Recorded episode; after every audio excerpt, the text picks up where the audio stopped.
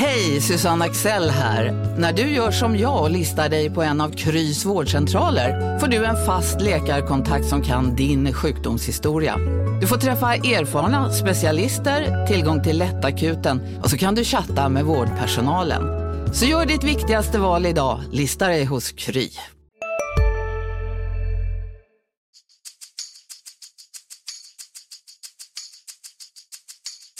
Det har varit mycket, mycket snack om det här inhoppet. Det är svårt att förbereda sig. Va? Så att, eh, det är mycket känslor som väller över.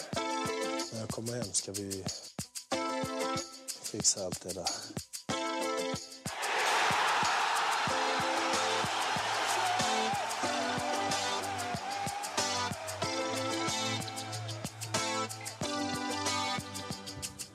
Välkomna tillbaka till MFF-podden. Det här är avsnitt 76. Jag heter Fredens, Fredrik Hedenskog. Eh, Det var trevligt att jag klarade av att säga det Det var faktiskt. på gränsen. Ja, eh, Risken jag, vi sluta där. jag är omgiven av Max Wiman och Fredrik Lindstrand. Mm. Två, två namn som jag behärskar till fullo. Ja, Ibland blir jag kallad för Vax Miman. wax. Ehm, nu har ju allsvenskan äntligen börjat. Och visst känns det skönt? Absolut. Eh, tycker det är härligt också att liksom våren kommer ungefär samtidigt. Men det är liksom, det, då är det mer på riktigt än när man ska sitta där och frysa och det är kallt och jäkligt. Eh, Malmö FF inledde ju säsongen och hela allsvenskan med att eh, besegra svenska mästarna IFK Norrköping med 3-1.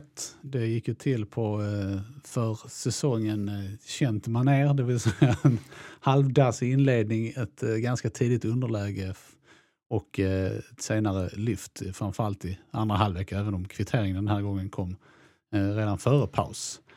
Ehm, Fredrik, vad har du för liksom, övergripande sammanfattning eller tanke från matchen? Eh, först och främst att det var en väldigt underhållande match. Det var, eh, jag såg eh, Jönköping, alltså jag ska inte säga att jag såg 90 minuter Jönköping-Kalmar efteråt, men ganska mycket. Och det var ju ganska stor kontrast i hur väl underlaget tillät bra fotboll. Och hur kompetenta lagen var att spela bra fotboll också kanske framförallt. Det var väldigt roligt, chans, mycket chanser, böljande spel, fina individuella prestationer. Nästan lite av en sån match man väntar sig, ja, kanske lite senare in i allsvenskan. Eh, Max, vad, vad tar du med dig framför allt? Nej, egentligen kanske att, att eh, det du började med, att läget är som innan. Man, man vet inte riktigt om glaset är halvfullt eller halvtomt nu. Det, eh, första halvlek är ju inte bra från MFFs sida. Den, det känns, samtidigt som naturligtvis Norrköping gör det bra så känns det som att MFF har inget passningsspel, kommer inte upp i press och det funkar inte särskilt väl. Och så kommer då det här 1-1 målet från en blixt från klar himmel, mycket snyggt. Och sen är det en period i andra halvlek där det flyter på riktigt bra, är bra spel. Eh, och eh, sen klart matchen dör kanske ut lite grann på slutet. Eh, eh, även om Norrköping verkligen försöker så backar ju MFF hem lite grann och försöker försvara. Så att eh, det är väl ungefär som innan att mycket är bra, en hel del är inte så bra. Det, det, är väl, det intressanta är ju egentligen, eh, det är bara att tillägga till 1-1 målet här. Jag tycker synd om, eh, om Tekir där som slår, eh, slår den här blindgångaren rätt in i plan. Eh, och sen går på, sen rusar rätt in i Rosenberg och det är väl egentligen den enda spelaren på plan man verkligen inte ska göra så för då blir man bortgjord. Eh, 18-årig kille då som eh, vägde, 50, vägde 59 kilo. Eh, hörde jag, du är ju oerhört lättviktare på det mittfältet. Eh, men i alla fall eh, härlig fotbollsspelare. Gjorde det bra även i kuppen mot MFF. Så det känns, jag hoppas verkligen att han fortsätter att våga spela som fotboll, som han spelade riktigt bra fotboll i första halvlek framförallt. Och det, det gjorde Norrköping överlag. Och eh, det, det är väl där någonstans MFFs eh, fortsättning måste ta avstamp. Att man, att man, liksom inte klär den här matchen i, i andra färger än vad, än vad den förtjänar. Då. Det går ju, på pappret ser ju 3-1 mot svenska mästaren väldigt, väldigt bra ut. Men det kunde ju faktiskt varit underläge med, med, med 3-0 efter, efter en halvtimme. Och det, det får man verkligen inte glömma av. Utan det var ganska stora brister i försvarsspelet där. Klara chanser mitt i straffområdet. Så det var liksom ingen stolpträff från 30 meter utan det var dubbelchans för Emir Kujovic som var skytteligan mitt i, mitt i straffområdet. Det eh, brukar vara dåligt. Sen ett, alltså ett väldigt bestående intryck. ännu en gång måste jag säga, det är Marcus Rosenbergs storhet eh, på många plan. Alltså hans förmåga att suga tag i bollen, att, att inte dippa när andra dippar, att vara med när det är avgörande situationer. Det, det är en otroligt hög klass på honom, måste jag säga. Mm. Ja, men det har ju varit, det har ju liksom man har, det har ju pratats lite om att han kanske är lite på nedgång. Han gjorde inte lika mycket poäng förra året. Och det var mycket snack om armbågar och så vidare. Och sen har det inte varit så mycket mål här på försäsongen. Det var ju först nu mot Kalmar då som man, som man verkligen hittade rätt då, i, i målprotokollet. Jag tycker han visar att det med all önskvärd tydlighet de här senaste matcherna att uh, det är liksom inte fråga om någon nedtrappning. Ja, det är så mycket mer än mål och, och passningspoäng på honom. Alltså mm. att han, han, han är ovärderlig i spelet faktiskt. Det är mm. kanske nu när han slipper oket som straffskytt. Han får inte gå. Det finns, no, det finns en annan nämnare också som kan, kan vara värd just hans eh, prestationer och det är ju faktiskt att man har gått över till eh, riktigt gräs de här två senaste matcherna. Men som Max säger, det är ju inte bara det som framspelningar till mål och mål som det handlar om. Sen är, han är ju straffskytt fortfarande. Han satte ju straff eh, i eh, kuppen va? Mm, ja, det gjorde, ja, det gjorde han. Det gjorde han, precis. Eh, det var, han slipper ta det totala ja, ansvaret. Det var nog mer att han kände nu att han hade ramlat och var inte riktigt i balans kanske. Och det var mycket som snurrade. Men det är intressant är förresten att eh, MFF har inte första straffläggare utan de har första straffväljare. Det betyder att, att, den som, att Marcus Rosenberg får välja vem i laget som ska lägga straffen tydligen. Det har ju varit, han lämnar ju över till Nikola Djurdjic här i, i, i höstas då. Ja, och någonstans, eh, det var inte så långt efter målet, eh, straffmålet sen som eh, eh Vidar Örn Kjartansson blev utbytt också. Jag tyckte han såg rätt svart ut i blicken. Jag tror att han tyckte nog att han hade behövt förslå den här straffen också för att komma in. För att han har ju fortsatt uppförsbacke kan man väl ja. säga. Det är lite, jag får lite, inte så att de är lika i spelet på något sätt, men jag får lite Sebastian Larsson-känsla över Vidar Örn Kjartansson ibland. I att han lägger väldigt mycket energi på domaren.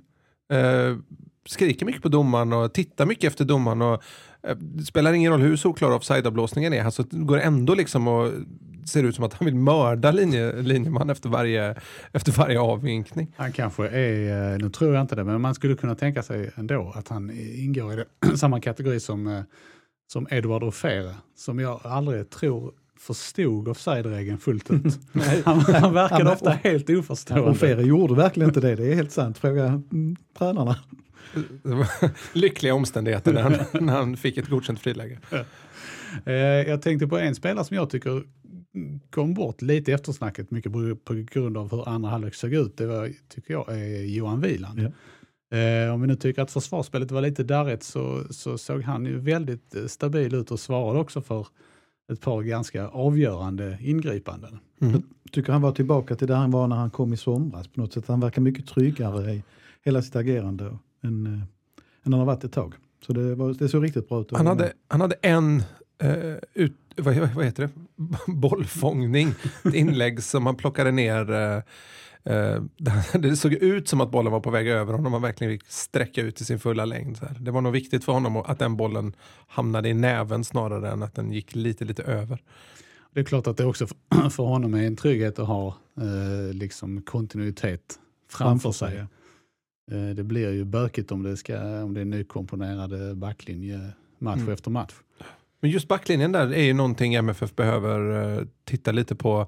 Just hur de, vem som ska falla och så vidare och, och hur samarbetet uh, mittback ytterback ser ut. Ska man, ska man låta boll, helst vill man ju att en boll som går i djupled ska gå utanför ytterbacken och inte mellan mittback och ytterback. Men där har de haft lite problem tycker jag. Att de här insticken hittar lite för ofta in.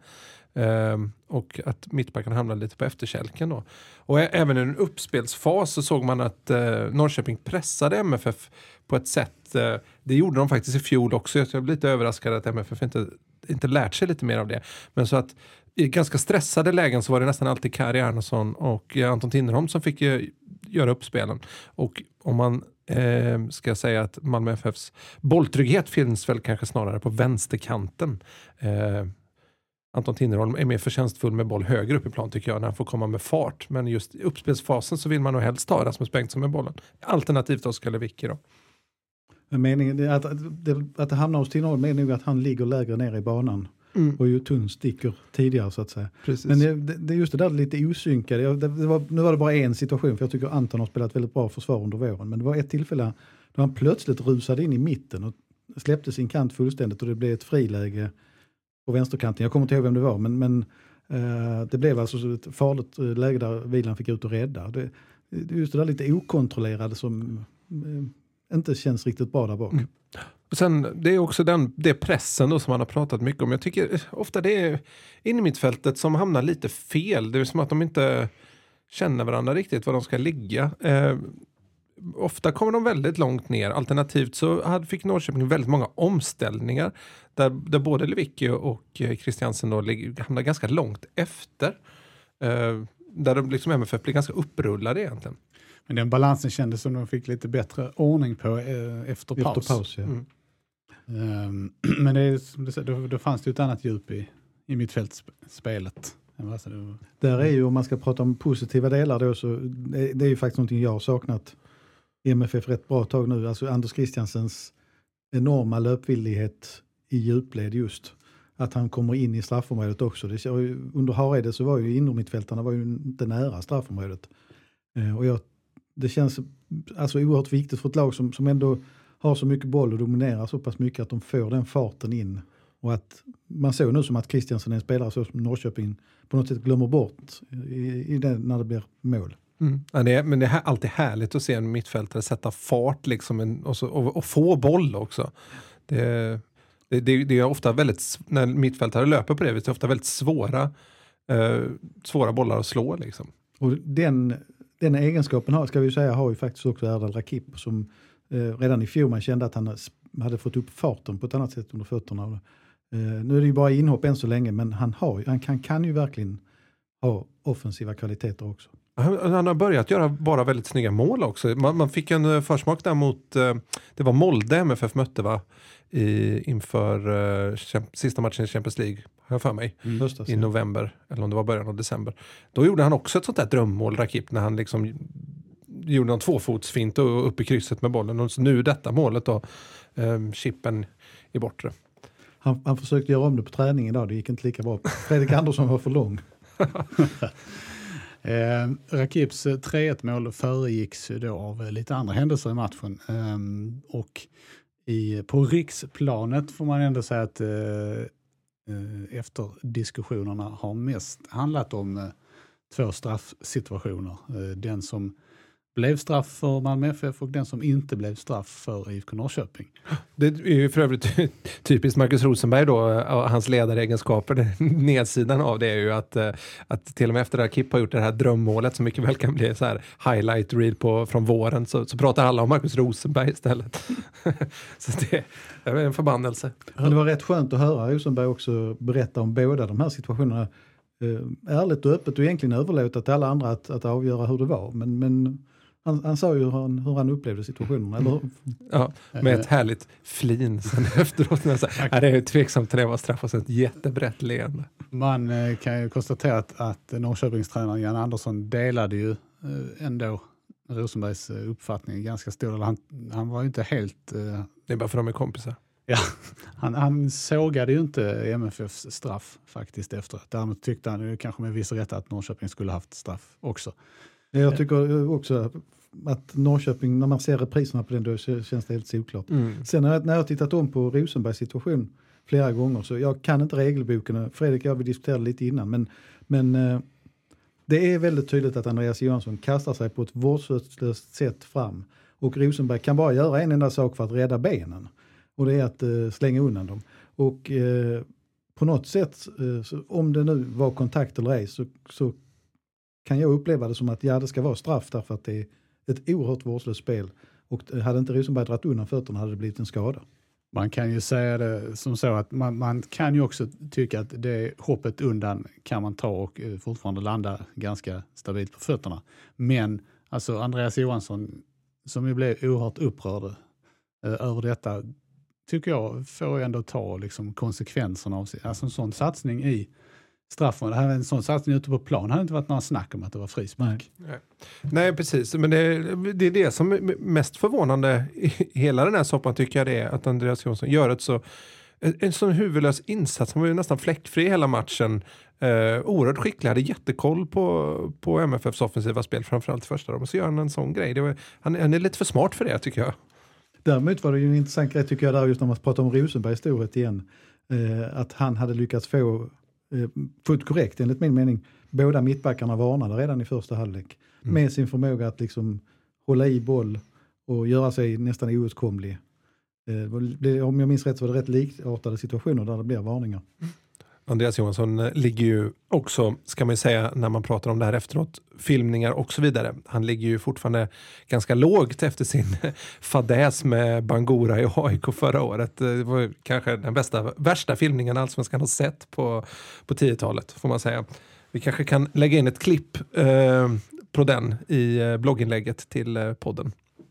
Andreas Johansson ska vi leta upp eh, och trycka in där. Ehm, vi får se, det kanske återkommer någon slags topplista på detta Mm, också. precis. På sydsven- sydsvenskan.se vad det lider. Ehm, det fanns ju eh, ett eh, parallellfall här till Rosenberg eh, även på söndagen. En annan hemvändande stjärnanfallare i allsvenskan, nämligen Tobias Hysén i IFK Göteborg som föll också relativt lätt i Falkenberg.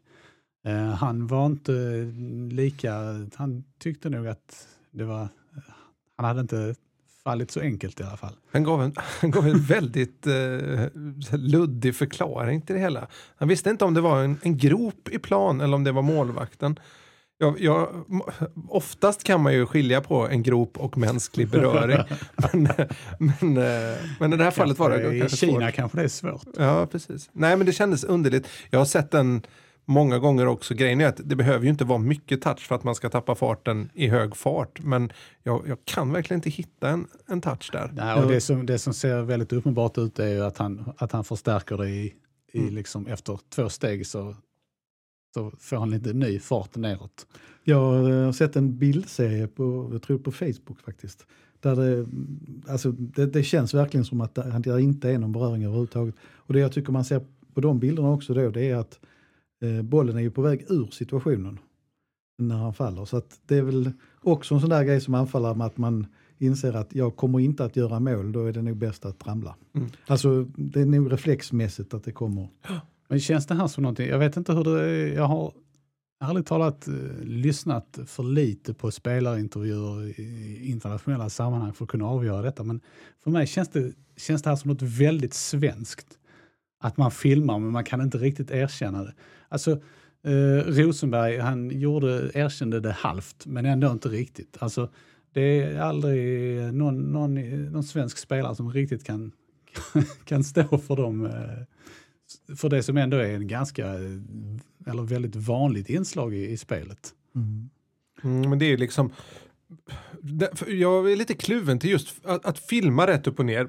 Tycker jag, Ja, nej, jag är ju ingen supporter till, men det här förstärkandet är jag inte helt motståndare till. Även om det är en väldigt kluven situation. Det går ju inte att säga varken bu eller bä bara rakt av. Så, men för, en försvarare har ju väldigt mycket grepp att ta till som aldrig syns. Liksom. Det dras lite i tröjor, det trampas lite på hälsenor och så vidare. Men det här är ju en anfallares sätt att, att liksom påvisa att ja, jag blev, jag blev faktiskt, det här var en regelvidrighet. Jag tänker på två saker, alltså just med om det är speciellt i Sverige det vet jag inte men, men eh, det man ser med förstärkningar tycker jag, att de, framförallt de två senaste åren, det är knuffar i ryggen ute på plan. Där, eh, det, jag vet inte om det var Magnus Eriksson som lärde ut det till världen men det, det, lite grann så är det att, att de alla faller väldigt, väldigt enkelt. Mm. Sen tycker jag att Mm, Det är det Niklas Skog pratade om här i senaste avsnittet och hans expertis. Hans eh, Håkan, Håkan Mild-sekvens där nere vid hörnflaggan. Sen, sen tycker jag att eh, domarna, apropå situationer i straffområdet, är alldeles för lite uppmärksamma på sånt som faktiskt händer framför målet i form av tröjdragningar och fasthållningar och annat. Och jag skulle gärna vilja se en lite renare fotboll där det, där, det kanske är därför det inte blir så mycket hörnmål idag. Att eh, det, det är nästan omöjligt för en anfallare att ta sig loss. För att det, det är nästan som i handboll, att det är accepterat att man håller i spelaren. Ja, det blir väldigt mycket. Det, blir, det som det blir är ju ganska mycket slentrianblåsningar. Ja, Mm. det var någon som var i närheten av målvakten så då, då drar vi en frispark till försvarande. Ja, lag. det är alltid försvarande lag som Mm. får den med sig. Överlag så tycker jag att målvakter är för fredande. Det kanske inte du tycker som gammal målvakt här Fredrik, men det känns som att om, men det blir väldigt generella termer att resonera, men målvakter får ju faktiskt ta med händerna. Bara det är ju en väldigt stor fördel. Ja, det hade blivit mer mål annars, det kan man konstatera. Om det är det man är, ute efter. Sen, sen tycker jag man, man, i de här situationerna kan man ju diskutera också, det var väl rätt att uh, Matler inte blev varnad i den här situationen, med, därför att Mm. han hade en klar ambition att ta bollen. Men däremot med resonemangets utgångspunkt hur Andreas Johansson kastade sig in i situationen så tycker jag det är tämligen obegripligt att han inte blev varnad. Ja, man hade ju redan en varning. Ja, och det, det, det ska ju inte påverka.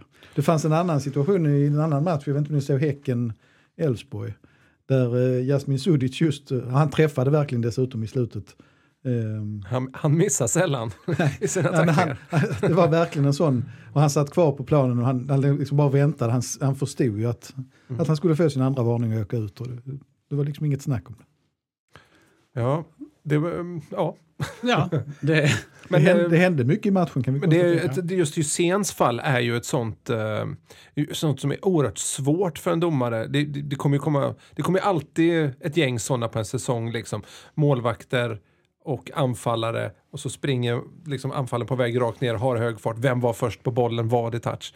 Det är ju supersvårt att bedöma.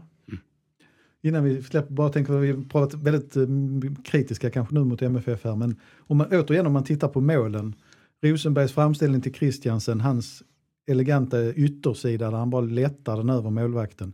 Rosenbergs ryck då som, som ger straffsituationen och Bergets klockrena straff, alltså det är verkligen inget resonemang. Den är inte ens ute vid stolpen men den är så hård så målvakten hinner inte.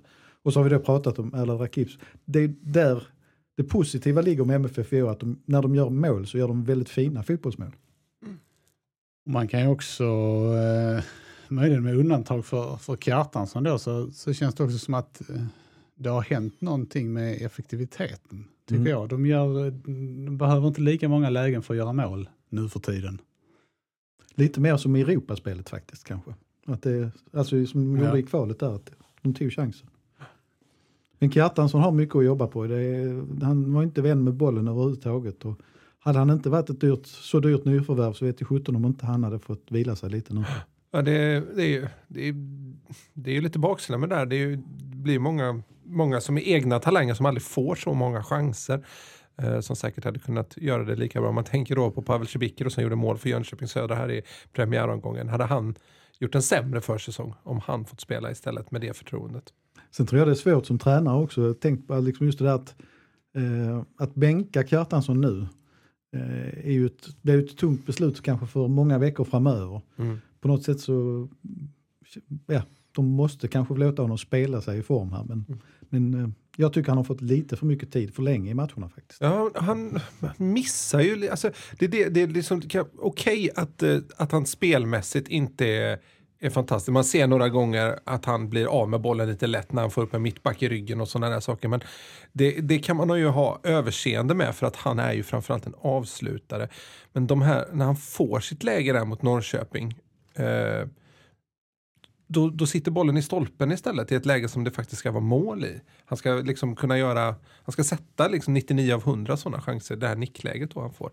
Eh, eh, det, det är lite mer oroande för att nu fick ju MFF fler chanser då, eh, lite tack vare att matchen luckrades upp av, det här, eh, av den här straffsituationen då. Men eh, ja, det, det kan, i en, en mer tät match så kanske det där är den enda chansen. Sen, eh, innan vi släpper målen där bara så hade han faktiskt en rätt väsentlig del i det första målet, Kjartansson. För han drog iväg en löpning som var den som gav ytan till Mm. AC. Ja, det ska han eh, helt... Det ska vi inte förglömma förstås. Nej, Jag, jag har hört det några gånger att spelet utan boll är viktigt också. Ja, jag det har jag aldrig begripit, men det är tydligen är det. Vissa ska, vi, vissa ska vara intresserade av det. Har intryck från, eh, från den allsvenska premiäromgången i övrigt. Nu återstår det ju en match ikväll ska sägas. Eh, det är måndag tidig eftermiddag när vi spelar in och Hammarby-Östersund spelar ikväll. Men eh, om vi bortser från den matchen, den är svår att diskutera känner jag. Bottenmötet spelar inte så stor vad, eh, vad, har ni, vad har ni för intryck från premiärhelgen? Eh, mitt starkaste intryck är nog att jag skulle vilja revidera mitt allsvenska tips redan nu. Nej, men det, jag tycker inte att det känns... eh, jag, jag trodde faktiskt inte att det var så illa, men mina farhågor fanns där när jag hörde den allsvenska upptaktsträffen när Andreas Alm sa att styrelsen hade ett så tydligt uttalat mål att nu skulle de ta guld. Och att det kanske inte är supersunt i en förening med tre allsvenska titlar på den här sidan eh, andra världskriget. Eh, och det första Andreas Alm säger då efter 1-1, en besvikelse hemma mot Sundsvall där AIK inte är speciellt bra. Eh, inte dåliga men inte heller speciellt mycket bättre än Sundsvall. Är ju det här att nu ligger vi under guldsnittet redan då. Det är inte tillräckligt bra. Det, det, känns som en, det känns osunt att man pratar om det efter omgång ett. Eh, jag vet inte, man, det, är liksom så, det, det, är som att jag har suttit ett gäng, ett gäng gubbar i styrelserummet och sett att ja, nu har vi inte tagit guld sedan 2009. Nu kräver vi det för Andreas Alm har varit här i fyra år, fyra, fem år.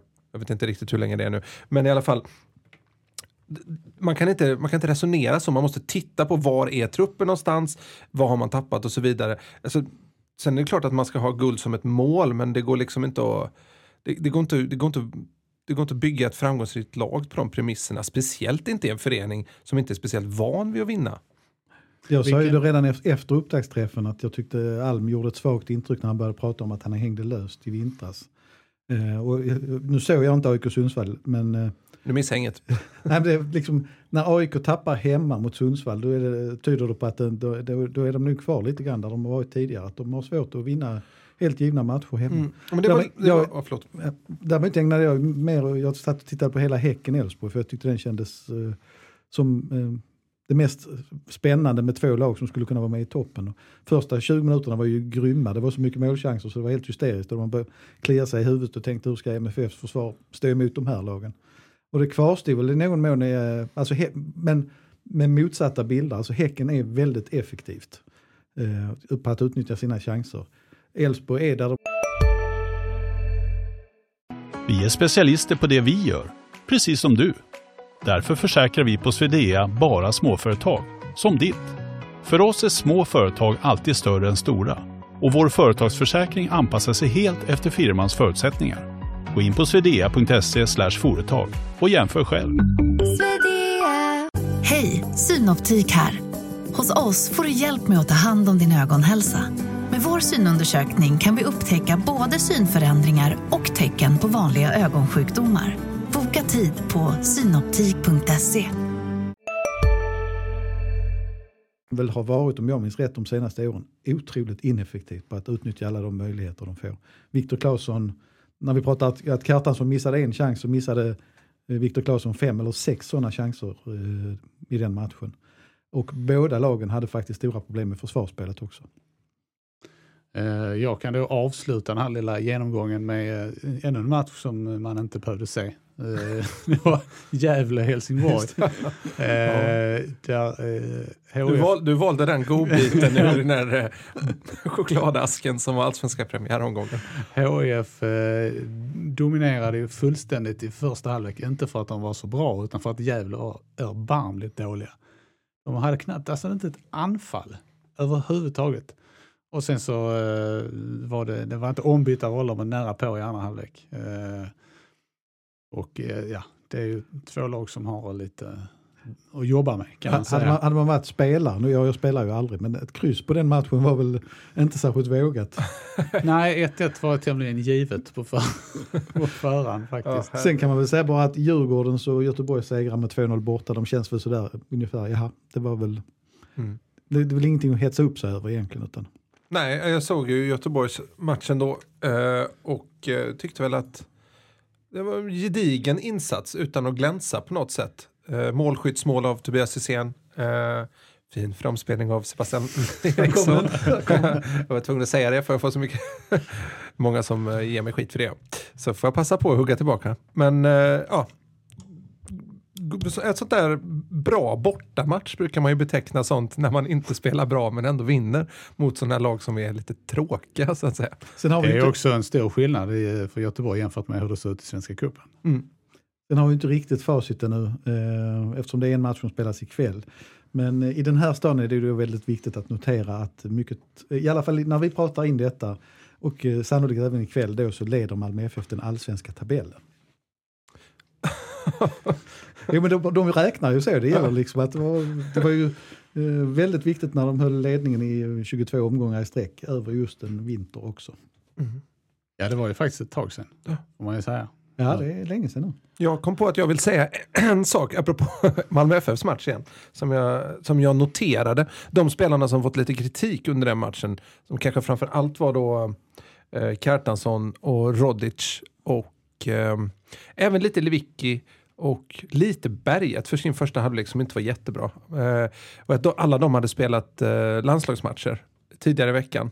Eh, kan säkert ha spelat in lite.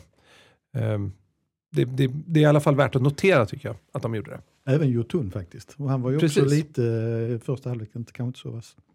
Är det Fifa vi ska skälla på? Ja, då, eller? det är Blatters fel. Han har avgått. Mm. Ja, men, nej, men det, vi kan skylla på de här Panama-dokumenten. Ja. Det är säkert de som ligger bakom. Ja, en svensk storbank. Ja. Ehm, från eh, storbank till eh, liten arena. Väldigt bra övergång var det faktiskt. det är så P, P4 Göteborg-klass.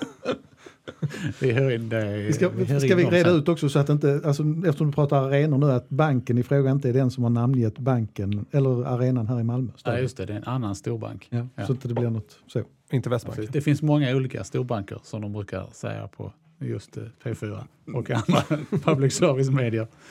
eh, nej, men Malmö FF tar ju, drar ju vidare här, spelar redan på onsdag kväll i Jönköping. Eh, och eh, att döma av eh, Fredriks recension från eh, Jönköpings premiär i Kalmar så eh, ska det inte vara några bekymmer. Eller? fram, la jag fram det på det viset? det minns jag inte. Nej, det, är min, det är min slutsats. Allan Kuhn hade efter träningen idag en lite annan eh, så, farhåga. Han tyckte att eh, Jönköping i princip spelade lite konstigt. Det väldigt annorlunda med markeringsspel över hela planen som han uttryckte det. Så att han, eh, eh han tyckte inte det liknade något annat allsvenskt eh, lag överhuvudtaget. Och, eh, peppade väl upp lite extra sådär. Men det kan väl behövas. Mm. Ja, jag... Det är liksom så här, ibland har man på sina såna expertglasögon när man tittar på fotboll. Man noterar och liksom följer matchen på ett annat sätt. Kanske tittar lite noggrannare på hur, var ligger backlinjen nu. Och, men den matchen måste jag säga att jag ändå mer slökollade på. Så jag, jag kan inte dra några jättestora... Det var liksom, det var väldigt ryckigt spel. Uh, och jag såg framför allt i andra halvlek där Kalmar då försökte etablera någon slags press, något man överhuvudtaget inte lyckades med. Lyckades med. Och äh, Jönköping, var, det var väl lite sporadiska anfall, det var lite så svårt att urskilja några tydliga mönster hur de ville anfalla och så. Så det, en allsvensk, eh, jag ska inte säga att de är en nykomling, men det är, eller de är ju nykomling men det är ju liksom ett lag som har det är, det är inte en debu, ett debutlag i allsvenskan, eh, men de har varit borta väldigt, väldigt länge. Och eh, Man kan väl förmoda att det är inte så många i organisationen som har eh, erfarenhet av allsvenskan. Nej, så är det nog. Precis. och liksom få möta storlaget Malmö FF då, Champions League förra året. Och liksom, det kommer vara fullsatt och hela den biten. Det, det kommer bli en jätte, jättesvår uppgift. De kommer liksom gå på, på energi. om, om, om det blir fullsatt hänger faktiskt lite på Malmö-supporterna. Jönköping har ju varit oerhört generösa med biljetter. Eh, och MFF har fått 1800 platser, långt, långt mer än de stipulerade procenten för att mm. arenan rymmer 8000. Eh, och vad jag förstår så har MFF inte sålt slut på sina biljetter nu. Så att, eh, men det kommer ju, det är ju rikt, eh, det är gräsplan där uppe också. Och mycket stöd från, eh, från Malmö-supportrar även om det inte skulle bli 1800. Så att, eh, på något sätt känns det som ett jätteläge att jag tror att Malmö kommer att göra en riktigt bra match där uppe. Och Jönköping har inte lika press, mycket press på sig när de ändå vann i premiären. Eh, mm. Så att jag tror det blir målfest. Så pass? Faktiskt, jag vet inte riktigt varför. Men jag tror det. De vill ju spela, de vill, de vill ju, det är ju inget sånt eh, slående och markera lag heller. Så att det är Jönköping då. Det kan... MFF har mött Jönköping, man kan ju aldrig dra mellan olika år, men två gånger de senare åren i cupmatcher. Uppe i Jönköping och vunnit med 4-0 båda gångerna. Den senaste är faktiskt bara fyra, fem år sedan. Det blir väldigt intressant match. Nej, kortare än så förlåt kanske. Till. ja, det blir intressant att se Pavel Cibicki också. Kul, kul, att han har gått in från start. Så annars upplever jag att många sådana MFF-utlåningar senare tid blivit bänkade ganska fort. Mm. Men uh, ja, han Det var verkar ju få en förtroende. eh, succéhelg. eh, Han, Stojanovic Fredin Det- gjorde ju också mål för Ängelholm. Och det känns som en riktig skräll måste jag säga för att eh, han har ju aldrig varit riktigt aktuell för att ta klivet upp i MFF och är ändå bara 18 år. Ja, men, hans eh, efternamn väger tungt i, Det väger i den tungt, föreningen. tungt i, i den, den, den eh, delen av Så Skåne det, var väl, så det var väl kul Precis. för honom att han Vi ska det. alltså säga då att Sten-Inge Fredin är hans eh, farfar. Eller morfar. morfar. Morfar är det nog ja. Och Sten Inge är då ordförande i Ängelholms FF. ja. Och tidigare ordförande i Helsingborgs IF. Ja. Och styrelseledamot i Malmö FF. Nej. Nej, Nej, det var ju Venhed. Det var. Ja, det, var helt Det fanns en tid, nu pratar vi historia, men det fanns en tid när faktiskt, och det här är helt sant, när Helsingborg hade stora problem. Ingvar Venehed satt i Malmö FFs styrelse men exporterades till HIF som en hjälp för att bygga upp klubben där uppe. Ehm, om vi tittar ännu lite längre framåt, eh, det är ju faktiskt en hel vecka till dess, men eh, vi lär inte hinna återkomma eh, mellan matcherna här så att vi, vi drar den också. Eh, nästa måndag spelar MFF hemma mot GIF Sundsvall. Eh, och jag, ja, jag har väldigt svårt att uttala mig om den. Ska man döma av hur det såg ut när lagen möttes i kuppen så ska det inte vara så mycket snack om var, eller hur, hur den matchen ska sluta. Mm. Nej, och återigen är det ju att Malmö har lite flyt här eftersom, nu ska man säga i fjol spelade laget väldigt bra på konstgräs men det finns ju ändå tecken på att vissa nyckelspelare trivs bättre på gräs. Och det blir ju tredje raka på, på riktigt fotbollsunderlag så att eh, det finns väl goda möjligheter att, att göra en riktigt bra start för laget här. Hur ser förresten serien ut? Är det, ligger de här, eh, är det motsvarande motståndare i slutet? Jag tänker det kan bli en konstgrästung avslutning. Jag vet du, du, nej, Det, det har- ja, jag vet inte faktiskt. Kan man, ska Det är man kolla lite olika sådär från år till år hur de har gjort. Ja, om de har minns- liksom ja. vänt helt och hållet eller om de nej, har... men jag, jag, jag tror att MFF avslutar hemma i alla fall. Uh, Fredrik kollar. ja, Mm. vi, vi håller, Det här är bra radio. håller, håller igång här så länge. Eh, men eh, om du kan prata samtidigt som du tittar Fredrik. Jajamän. Du såg ju trots allt lite av Sundsvall här i, Mm. i helgen. Eh, såg du någonting annat i den matchen än- det de visade upp i kuppen eh, i Malmö? Ja, ett lite rakare anfallsspel tyckte jag. Um, de kom till ganska mycket avslut även, även då när det var mycket så, i, i, även, även denna match så såg jag majoriteten av andra halvlek.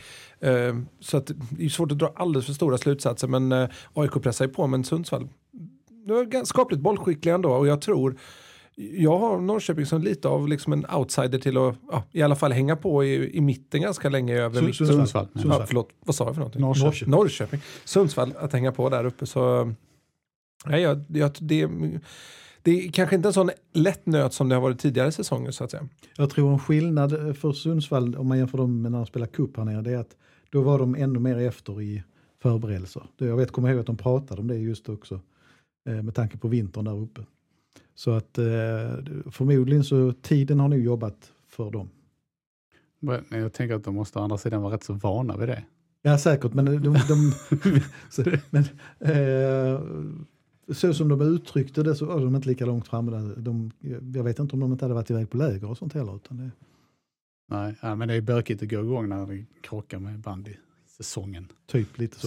Så. Det är, tittar jag nu på spelschemat då så är det inte Malmö FF har Falkenberg borta i näst sista omgången och Hammarby hemma i sista omgången. Ja, okej. Så att det inte det verkar lite ut, utkastat hur som helst. Ja. Ehm, vi eh, går mer in på det i vår eh, kommande podd där vi granskar, eller säga, grottar ner oss i allt som Svenska Fotbollförbundet gör på en säsong. Nej, det ska vi inte göra. Det programmet kommer att bli oändligt långt. Ehm, Men då måste vi ha La- Lars Richt kommer att sitta och vakta oss. Lars Rist och Gerhard Sager är speciella gäster inbjudna till det programmet. Det skulle i och för sig bli väldigt underhållande. Vi kanske genomför det programmet nu. Nu när vi sa det så lät det bra. Ehm, vi byter eh, ämne och spår helt och hållet eh, och eh, avslutar här med en, en diskussion kring sponsorer och reklamrelaterade ärenden. Mm. Då vill jag först och främst ta upp en eh, aspekt. Jag tänkte göra övergången förut med Viland. Men innan vi pratar om för att säga, vad, vad har hänt med Malmö FFs målvaktströja? Det, den är oerhört ful.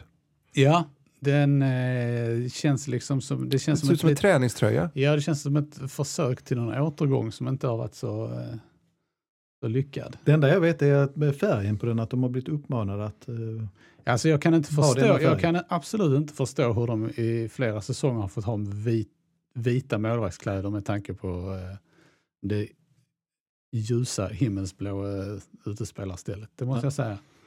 Mm. Ehm, jag har inte tänkt på det, men, men att den är så ful. Men det är den. Ja, men det, ful, det, är en annan med- list, det är en annan lista det är en som annan ska lista, men det göras. känns som att man har- Fula målvaktströjor. Man är så oerhört ambitiöst med, med utespelarnas tröja. Att det är så viktigt att det, liksom det ska, man ska testa himmelsblå nyanser i liksom laboratorier i Schweiz och så vidare.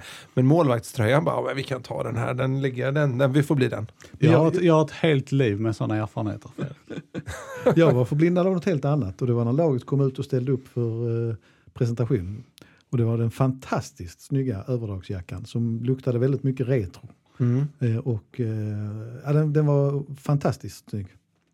Det var ju, ehm, den kändes ju mer, eh, det som är lite så, om man nu verkligen är nere på detaljer här så känns det kanske inte som att träningsjackan och matchtröjan talar riktigt samma eh, stilspråk. Jo men lite grann eftersom den här lilla knappen och Ja, den men lilla det- kragen är ja. också lite retro. Ja fast, I det modern retro, tappning. ja, fast jag tycker det är retro från en helt annan tid. Alltså träningsoverallen är väldigt mycket eh, 60-70-tal. Ja, 70-talet väldigt Mm. mycket. Eh, och knappen vet jag inte riktigt var. Eh, Ja men det är den gamla snörningen ja, i ja, ja. modern tappning. Jag Eh. de skulle vågat ha snörning. Det här, Ja, de, det, de har tydligen pratat om det men att det är jobbigt att ha det fladdrande här. Mm. Ja. i- Uppe vid kan halsen. man tänka sig. eh, match, Trö, blir en match, tröjdragning. Det blir ingen reklam av detta. nej, nu blir det. Matchtröjorna försågs ju hur som helst med eh, reklam. Eh, det presenterades på matchdagen eh, och eh, man tänkte kanske lite till mans att eh, de supportrar som har efterfrågat en sponsor av internationellt snitt skulle tycka att det var rätt så okej med en, eh, en stor internationell bilfirma som visserligen är i stort behov av, av god reklam. men, eh, men, eh, men då var det inte riktigt... eh, Det är en, en väldigt förhärskande uppfattning, åtminstone på sociala medier, verkar det vara att loggan förstörde tröjan. Jag, eh, jag höll på att säga, de är nog aldrig nöjda supportrarna med, med om, om där står något eller där inte står något eller hur det ska vara. Eh, jag, alltså rent utseendemässigt kan jag hålla med. Jag tyckte att det var en stor blaffa där mitt på magen eller bröstet. Det, så, det kändes ju lite som att det var lite hastigt eh, upptryckt. smäller vi dit den där. ja. Men samtidigt så i andra änden så en jädra massa bokstäver på magen är inte heller så snyggt. Så att eh, eh, lite kluven faktiskt. Jag tycker generellt att man ska köra på den lite mer brittiska stilen. Att, att företagsnamnet kan stå, stå med text över bröstet. så blir liksom eh, det, det känns som att det, det limmar bäst istället för att du har ju allt, nästan alltid ett eh, Klubbmärke. klubbmärke på bröstet. Och att då slänga på en annat märke som är större mitt på bröstet blir liksom klubbmärket ham- hamnar i sån i skymundan då. Ja, det såg lite konstigt ut. Sen kan jag förstå kritiken från supportrar också. Eh, även om naturligtvis kommersiellt aldrig för, bilföretag skulle gå med på det. Men de vill ju kunna köpa matchtröjor utan reklamen på. Eh, för att gå omkring på i stan. För det är klart, det är kanske inte så roligt att knalla runt på Malmös gator. med det, där, där, det här bilmärket som vi nästan inte kan undvika att nämna men vid namn ändå. Där Volkswagen liksom syns mer än, än, som du säger Fredrik, än MFS klubbmärke. Men, ja, men det är intressant det där med klubbtröjor. Jag, ty- jag tycker generellt sett att man eh, lägger ner lite för lite energi på det i Sverige. Och, och så här, jag tycker eh, att, att, att MFF ska vara mer noggranna med det och, och verkligen ta ut egna matchtröjor. Som, eh, alltså inte liksom välja bland någon av Pumas sex stycken modeller för året utan borde kunna ha råd att liksom styr upp en sån egen, det är ju en sån enorm industri utomlands eh, bland storklubbarna. Det borde MFF också kunna ta efter och göra mer av så man säljer ännu, ännu mer. Eh, liksom, har ha- lite noggrann med detaljer. Sen så skulle jag också gärna se att allsvenskan inför eh, en, en enhetligt eh, namn på ryggen och siffror på ryggen. Eh, precis som man har ju börjat med boll nu till den här säsongen då. Det ska vara en och samma boll. Tror jag i alla fall. Så ska stå samma namn på alla ryggar. Ja, men, ja, precis. Och samma nummer. Nej, men det ska vara, fel om bokstäverna ska vara samma typografi på dem. Så är I Premier League är det så till exempel. Men det, det känns ju som att eh, då, kanske, då är det många svenska klubbar som ändå har, liksom, jobbar med en grafisk profil som de vill eh, värna. Kanske i högre utsträckning. Det är nog kanske någon typograf där ute i landet som är rädd för att bli av med jobbet nu efter det här förslaget. Men, men, äh, men jag vet inte, det är ganska viktigt att paketera hela serien eh, på ett snyggt sätt. Som gör att det inte andas liksom, ah, liksom lite hemmasnickeri. Så här. Alltså, jag tror det var Jönköping jag såg nu som hade jättenamn på ryggen. Där, det, där man nästan känner, oj, är det, är det ett namn på spelaren eller är det reklam för ett bilföretag? Ja, vad är det, ska vi se här. E- Eren, vad är det Häcken har på ryggen? Eren... Ja. Ja, Ja. Ett tag trodde jag alla hette likadant för det, det ser ut som det är ett namn på spelarna. Men eh, det, det jag tänkt på, det som kommer bort helt, det, det blir lite konstigt från supportrarnas sida inte minst, det, det är att det har varit ett väldigt tjat om att ska verkligen inte Malmö FF lyckas sälja eh, sin reklam eh, eller sin, sin viktigaste plats på tröjan och det handlar om mycket pengar. Och, eh, de, den grejen försvinner nu plötsligt lite grann i en diskussion om hur märket ser ut. För det är naturligtvis så här att Volkswagen har betalt väldigt, väldigt mycket pengar för att synas där. Eh, Om det, om det är så, och det kan man ju förmoda att det är eftersom de nu har landat en, en stor sponsor att de inte ville kompromissa det här priset. Nej, de har ju varit väldigt tydliga med det innan och jag har svårt att se varför de skulle ändra på det nu. Det var ju när rör, rörläggaren gick in, då, då kompromissade man därför att eh, det, hade, det var inte bra att man gick utan och han var ändå beredd att göra en ordentlig satsning. Men, men eh, detta är ju säkert stort och klart att skulle MFF spela i Europa så ser det ju ganska bra ut på tröjorna att ha en, en stor internationell, ett stort internationellt företag på tröjorna. I det avseendet förstår man ju hur Volkswagen resonerade. Sen så är man ju lite mer uh, fundersam eh, när de satte sin logga även på Jönköping Södra. De har nog funnits där ett tag tror jag. Men jag är Så kanske det kan vara. Det kan blir något vara- av ett uh, Volkswagen-derby här på, på onsdag. Är det inte en Volkswagen mot en Porsche? Det är det, är det va? Jönköping är Folkavagnen och MFF är Porsche. Det är samma företag. Ja, det är så. Jag tror det.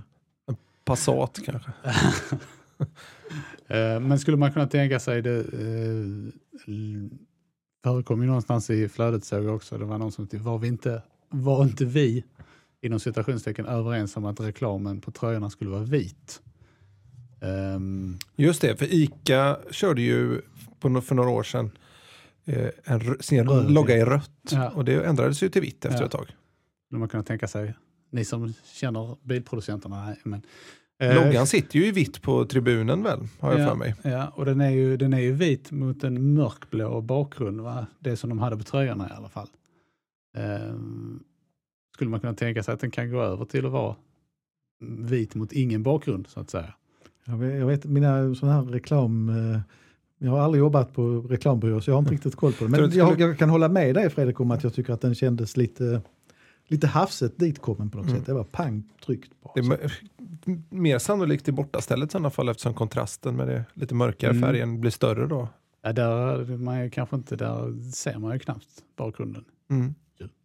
Möjligt vi får se den på onsdag för vad spelar Jönköping? Spelar i grönt och vitt. Ja. Det är nog läge för MFFs bortadräkt på, på onsdag. Um, vad det gäller Malmö FF och eh, reklamkontrakt så eh, var det väl, det var också nu i slutet på veckan va, som det var premiär för eh, reklamfilm för en annan näringslivskedja som inte är ICA utan då kan vi säga att det, det är Coop. Ehm, jag har inte förstått om det ska liksom, eh, vara någon slags liten följetong det här om det kommer fler filmer. Eh, men den som finns är i alla fall eh, eh, Guillermo Molins och Tobias Sana. Lite udda val av Intressant, Medverkande intressant val tycker jag. Mm. men som trixar med frukt. Och Allan Kuhn som sitter i kassan. Eh, Kons eh, skådespelarinsats är faktiskt riktigt Ja, bra. Det känns ändå som att han har en bra komisk timing. på, på riktigt. Men detta har ju då fått, eftersom folk generellt är väldigt eh, lätt irriterade, så har detta eh, rivit upp stora sår i det i det svenska supporterlandskapet. Eh, och det kom ju liksom ganska mycket kommentarer så jag har handlat på Coop för sista gången. Fast de pratar förmodligen inte skånska de som skrev det. Men, Det är ju Häls Helsingborg. eh, eh, och då känner jag liksom, men, är det här, är det på den nivån vi ska ligga? Men går den på riksnivå, eh, reklamen? Ja, det vet jag, det, Det skulle jag vara väldigt det- förvånad om den gör. Det Alltså, idag är ju inte riksnivå där det har varit. I och med att du kan se det på, alltså lägger någon upp filmen på Twitter eller någonstans så syns det ju med samma över hela Sverige. Så jag, jag misstänker att det är så den har spridits också kanske. Ja. Men det jag, jag, jag håller med. Fredrik, jag, jag tycker att det är, det är, herregud, glimten i ögat måste väl folk ha. Det väl, jag tyckte det var en rolig reklam. Jag fastnade ju mest för att jag kollade att den var, enligt MFF så var den inspelad bara för någon vecka sedan och att, att Guillermo Molins är med i den så blir det ju ännu konstigare om inte det där kontraktet blir klart snart. Men om det är så att den går riks, eh, riks då måste ju någon på Coops marknadsavdelning avgå. Det är ju, alltså, eh, eh, även om vi tycker eh, att Guillermo Molins är välkänd här nere och det är han ju verkligen, så är ju eh, så är han ju verkligen inte household. Det är ju fotbollsint, o, fotboll, icke fotbollsintresserade människor i Stockholm har ingen aning om vem Guillermo Molins är. Så att det är ur, ur en marknads, marknads eh, PR-mässig Nej, men det är ju synpunkt så är det ju ett värdelöst val. Det är ju därför de har Allan Kuhn. Ja, just det.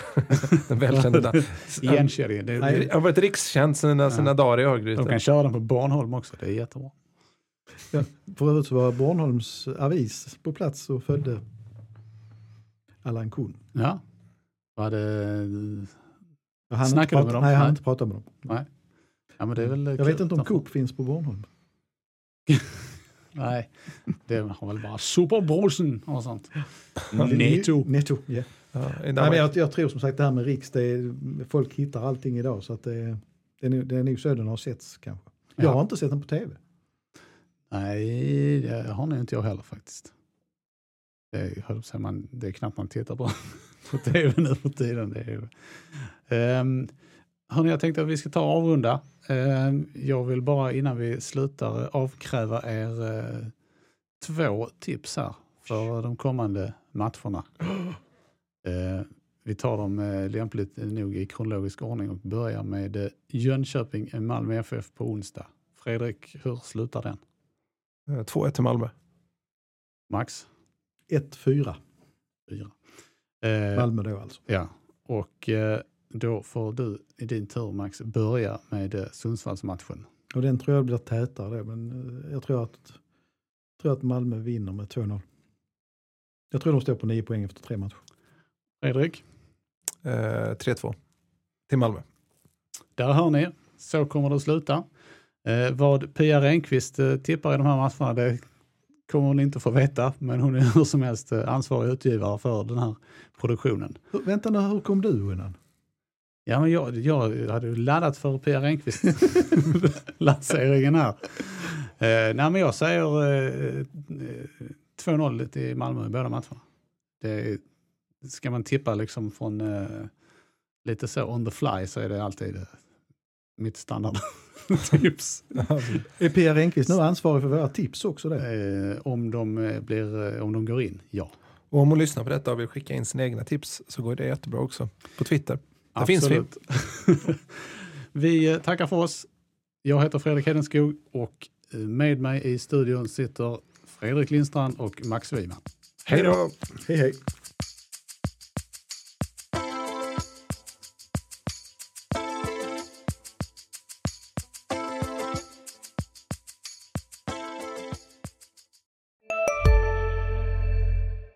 Välkommen till Maccafé på utvalda McDonalds restauranger med Baristakaffe till rimligt pris. Vad sägs om en latte eller cappuccino för bara 35 kronor? Alltid gjorda av våra utbildade baristor.